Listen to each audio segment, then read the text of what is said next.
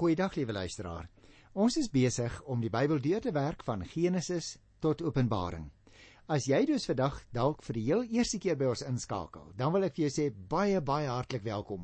Dis 'n wonderlike avontuur waarop ons is op die oomblik en die Here is ons baie goed dat ons so gereeld met mekaar mag gesels uit die Here se woord oor die betekenis van die woord vir vandag.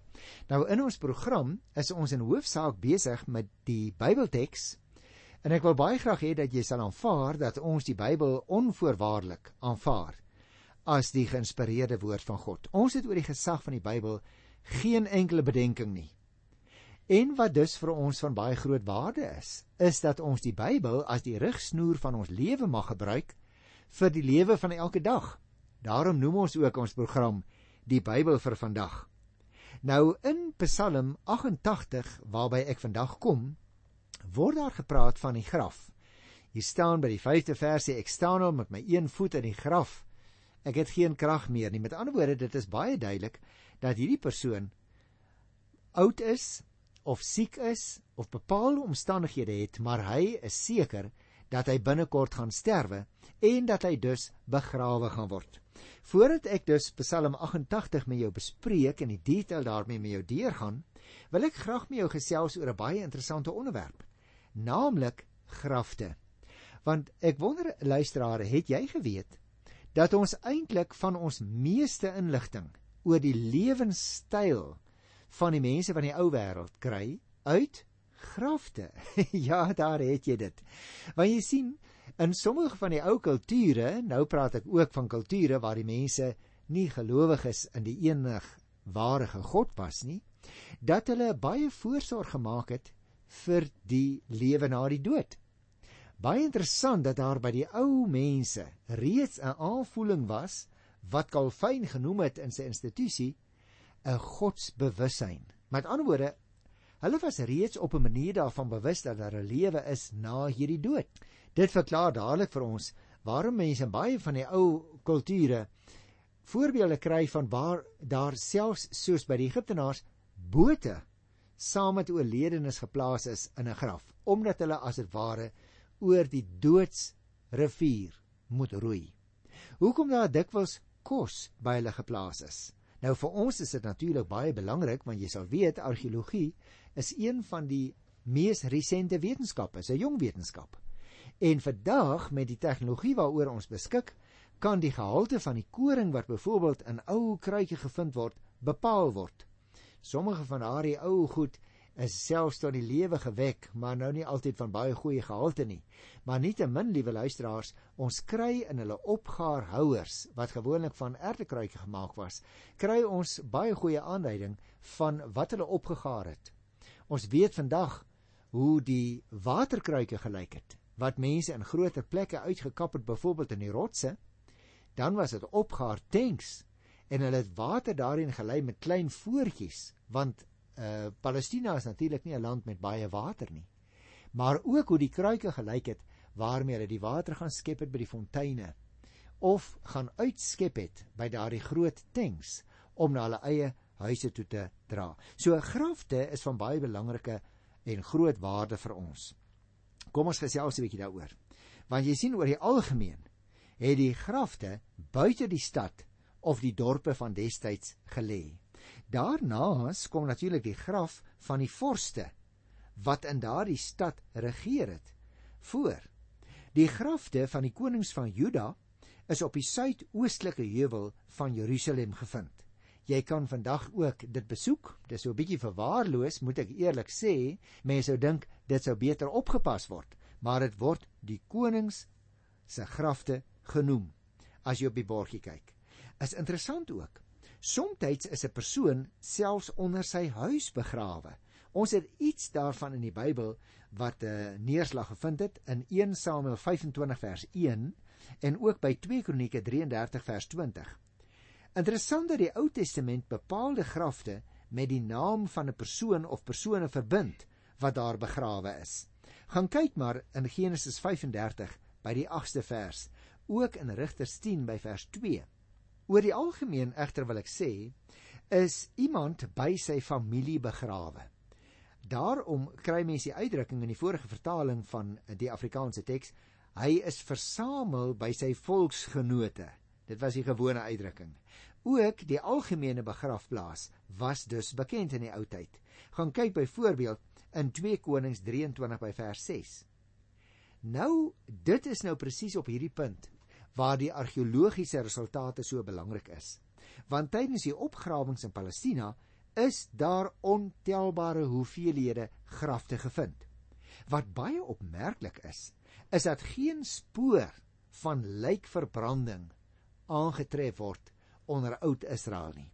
Die Ou Testament noem vir ons net 'n paar gevalle waar misdadigers byvoorbeeld verbrand is. In Genesis 38 vers 24 gaan kyk ook in Levitikus 20 vers 14 wat dit verbied, eh, Joshua 7 vers 25.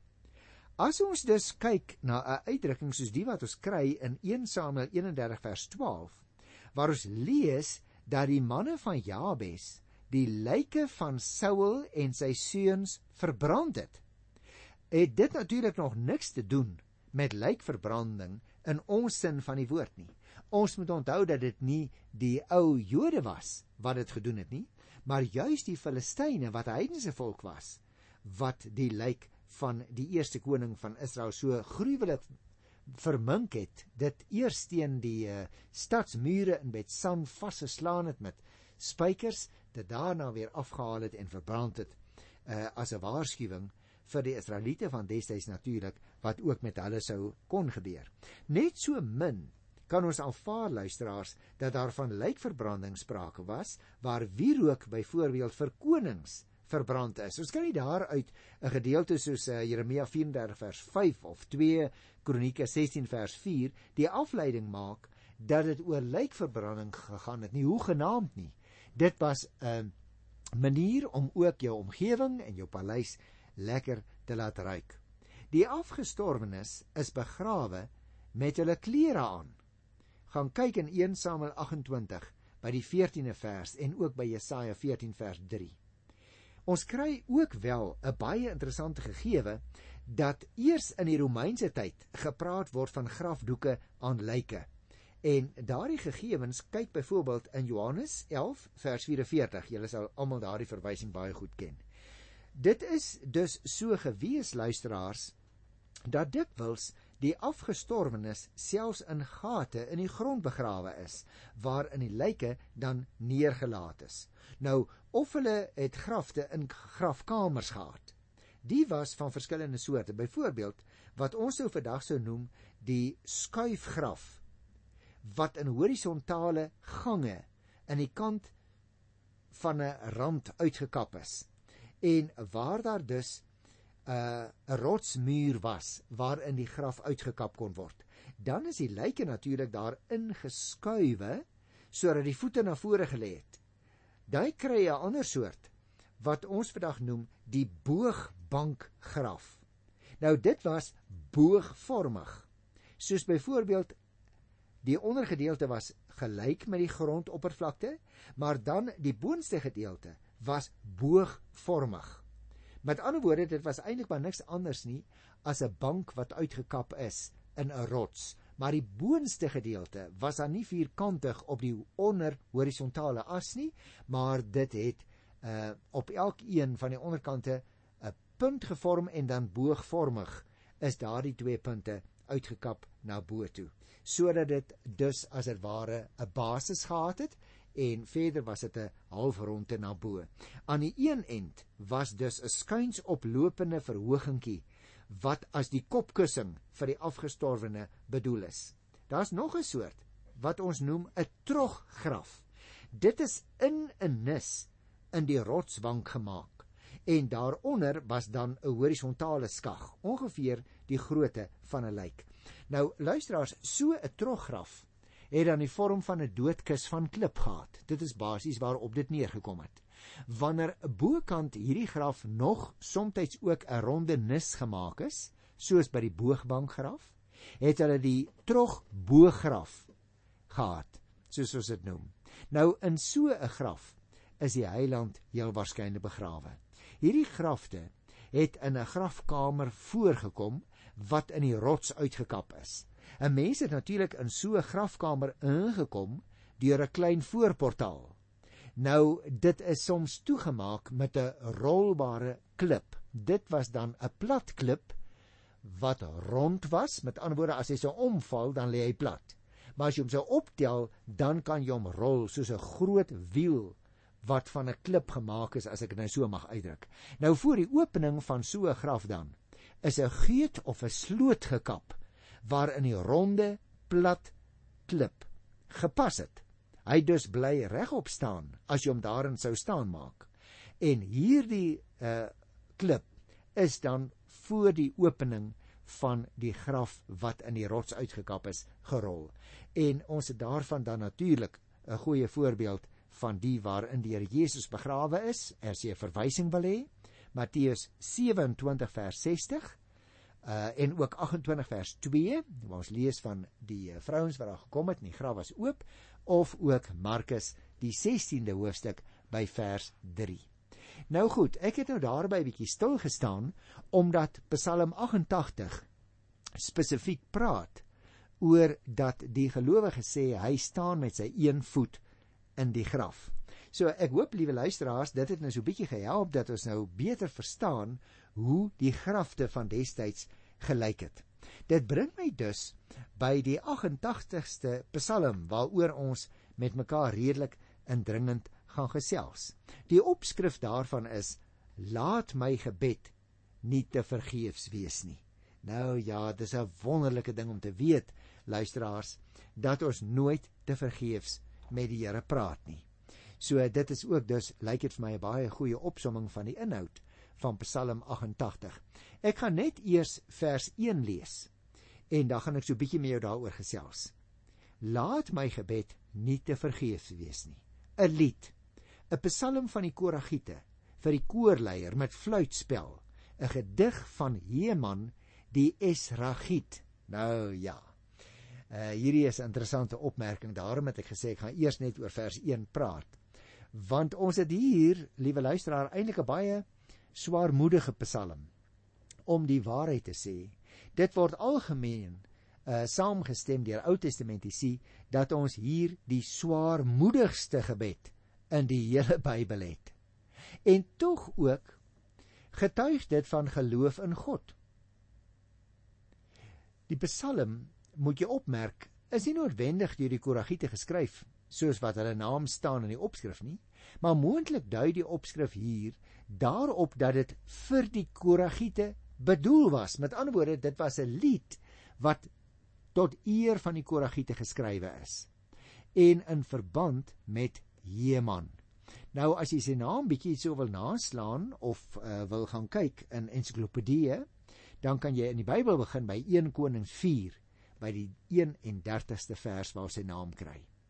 Dis baie duidelik dat hierdie 'n opskrif is wat uitdrukking gee van die Koragiete se nood dat dit nie noodwendig deur hulle geskryf is nie maar dat hulle die Psalm later van iemand anders oorgeneem het en dat hulle dit nou soos 'n jas aantrek.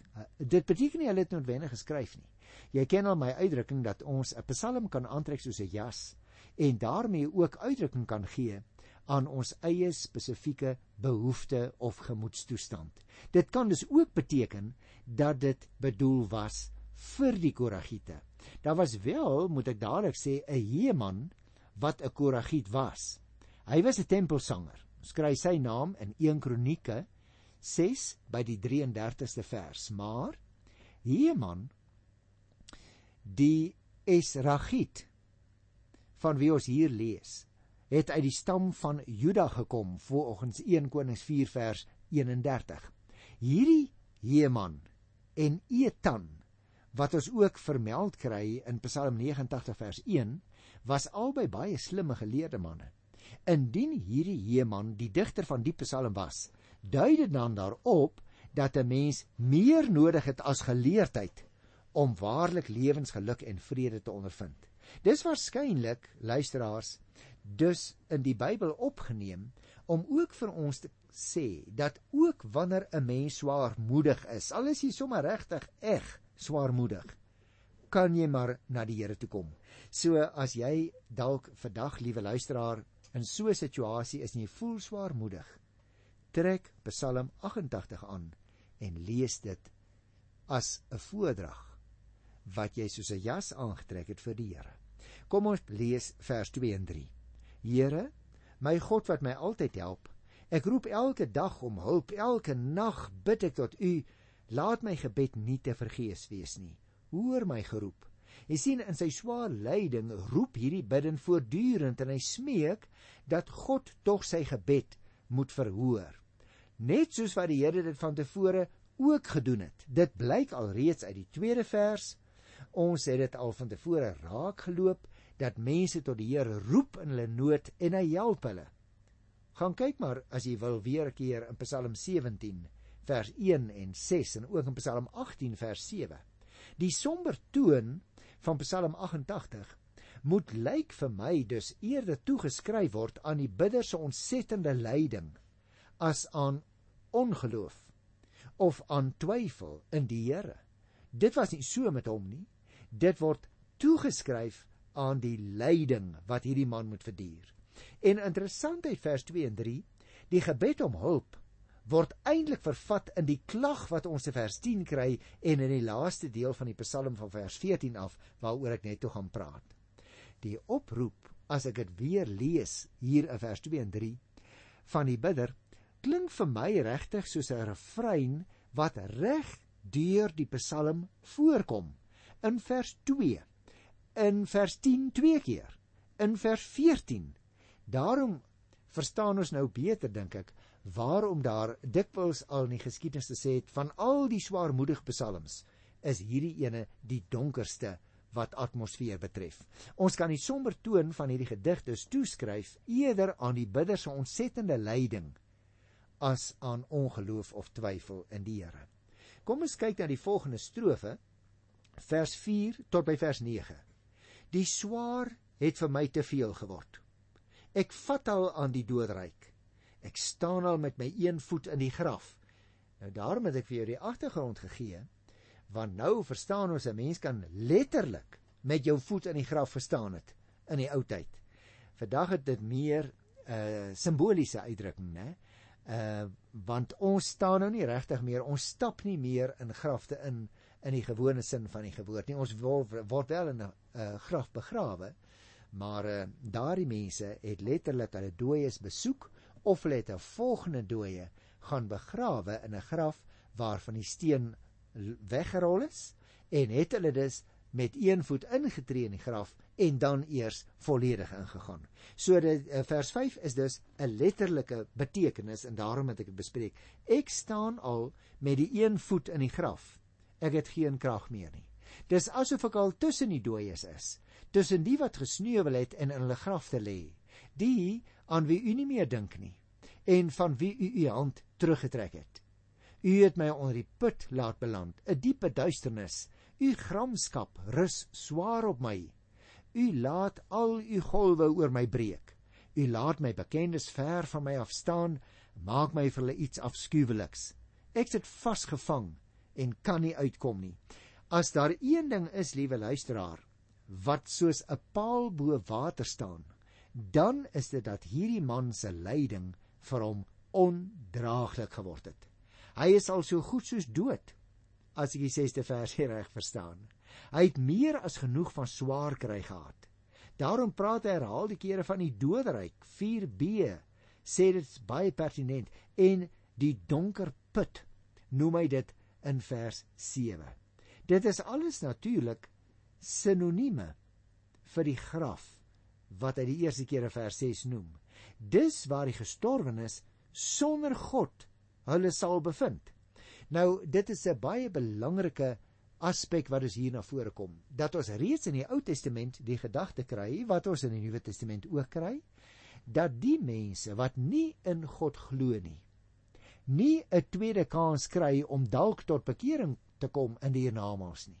Maar dat in die doderyk mense wat nie in die Here Jesus Christus glo nadat hy gekom het in die wêreld toe nie, nie vir God sal sien nie waar God dus volgens ons psalmes ook in vers 6 nie aan hulle sal dink nie en waar elke lewensmoontlikheid dus vir goed verby is. Hier luisteraars is dus glad nie sprake nie van 'n sondebesef. Hier is wel sprake van swaar kry en daarom ook die gedagte van gramskap in vers 8 se eerste gedeelte. Sprake van golwe in vers 8 wat hierdie arme man getref het. Dit kan letterlik golwe wees. Maar dis meer waarskynlik omdat dit poëties materiaal is, meer waarskynlik golwe wat dan 'n voorstelling is van die moeilikheid wat hierdie man het. Jy sien omdat dit uit die ander verse blyk dat dit siek is, kan hy dit op 'n baie uh, uh, letterlike manier as dit ware ervaar. Van wie is sy lyding? Daar word nou nie gesê uh van wanneer af hy al siek is of watter siekte hy het, het nie, maar as gevolg van sy lyding vir my mense hierdie persoon volgens die 9de vers laat ek dit net weer lees. U laat my bekendes ver van my afstaan. Moontlik het hy aansteeklike siekte gehad. Hoe sal jy en ek regtig weet? Maar op grond hiervan word vermoed dat hy dalk selfs melaats was.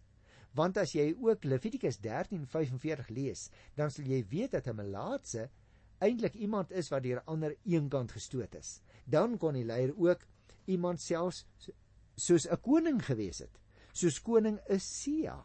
Want jy onthou die siekte wat hy gekry het, gaan kyk maar weer in 2 Kronieke by vers 26, vers 16 tot 21 en kan hy uitroep van vers 2a dan verwys na sy lewe voordat hy melaats geword het. So dit is goed moontlik dat hy dalk melaats was. Kom ons lees vers 13 tot 16. My oë is al dof van ellende. Die hele dag uh, roep ek na U Here. Ek lees dus hier van die 10de vers af. My oë is al dof van ellende. Die hele dag roep ek na U. Ek steek my hande uit in gebed na U. Sal U met 'n dooie 'n wonder laat gebeur? Kan gestorwenes opstaan en u loof? Jy sien as luisteraar, hierdie man het sy oë dof geword. Van wie is sy ellende? sien hy as dit ware vir geen ander moontlike lewe kans nie. Hy dink net die hele tyd aan die graf. Maar nou sê hy, as hy by die dooies is, in die land van vergetelheid, daardie laaste deel van vers 13 hè, dan sal hy nie meer vir God kan loof en van sy trou kan getuig nie, vers 12. Hy sê as hy eers dood is, is alles verby, want God se wondermag van vers 13 bring nie mense terug uit die dood nie. Met ander woorde luisteraar van wegneem uit die dood en opneem by God, soos ons soms in die Bybel lees, is hier geen sprake nie. Die toestand waarin hierdie man hom bevind, word hier herhaal in vers 10 tot by vers 13. Sy gebed om hulp word eintlik in die klag van vers 10 vervat. Daarom wil ek net weer vers 10 vir jou lees. Hy sê: "My oë is al dof van ellende. Die hele dag roep ek na U, steek ek my hande uit in gebed na U toe." Maar kom ons lees nou van vers 12 af. Word daar in die graf vertel van u troue liefde? Word daar in die plek waar almal vergaan van u trou vertel? Sal u wonder mag ondervind word in die duisternis van die dood? U redding in die land van die vergetelheid? Jy sien die Ou Testamentiese gedagte is dus baie duidelik dat dit nie moontlik is nie. En daarom wil ek afsluit met die laaste verse hier van vers 14 af in Psalm 88. Ek roep na U om hulp, Here. Vroeg in die môre al bid ek tot U. Waarom verstoot U my, Here? Waarom trek U U van my af terug? Ek ly swaar. Ek kwyn al weg van my jeug af. Dis 'n swaar las waarmee U my tuister. Ek weet geen raad meer nie. Dit lyk dus luisteraar asof hierdie man vir baie baie jare aan sy siekte ly, hoewel die Bybel sê nie vir hoe lank nie. Maar hy sê vers 18 dit bedreig my heeldag soos vloedwater. Dit sak op my toe van alle kante af. U laat my vriende, my bure ver van my af staan. Die duisternis van die dood is my blydskap. Hy het dus baie duidelik alle hoop op verlossing verloor. Daarteenoor verkondig ek aan jou lewe na die dood, liewe luisteraar, as jy in Jesus Christus die enigste naam wat aan mense onder hierdie son gegee is tot redding aan ons gegee is. In sy wonder lewegewende naam groet ek jou tot volgende keer. Tot dan. Totiens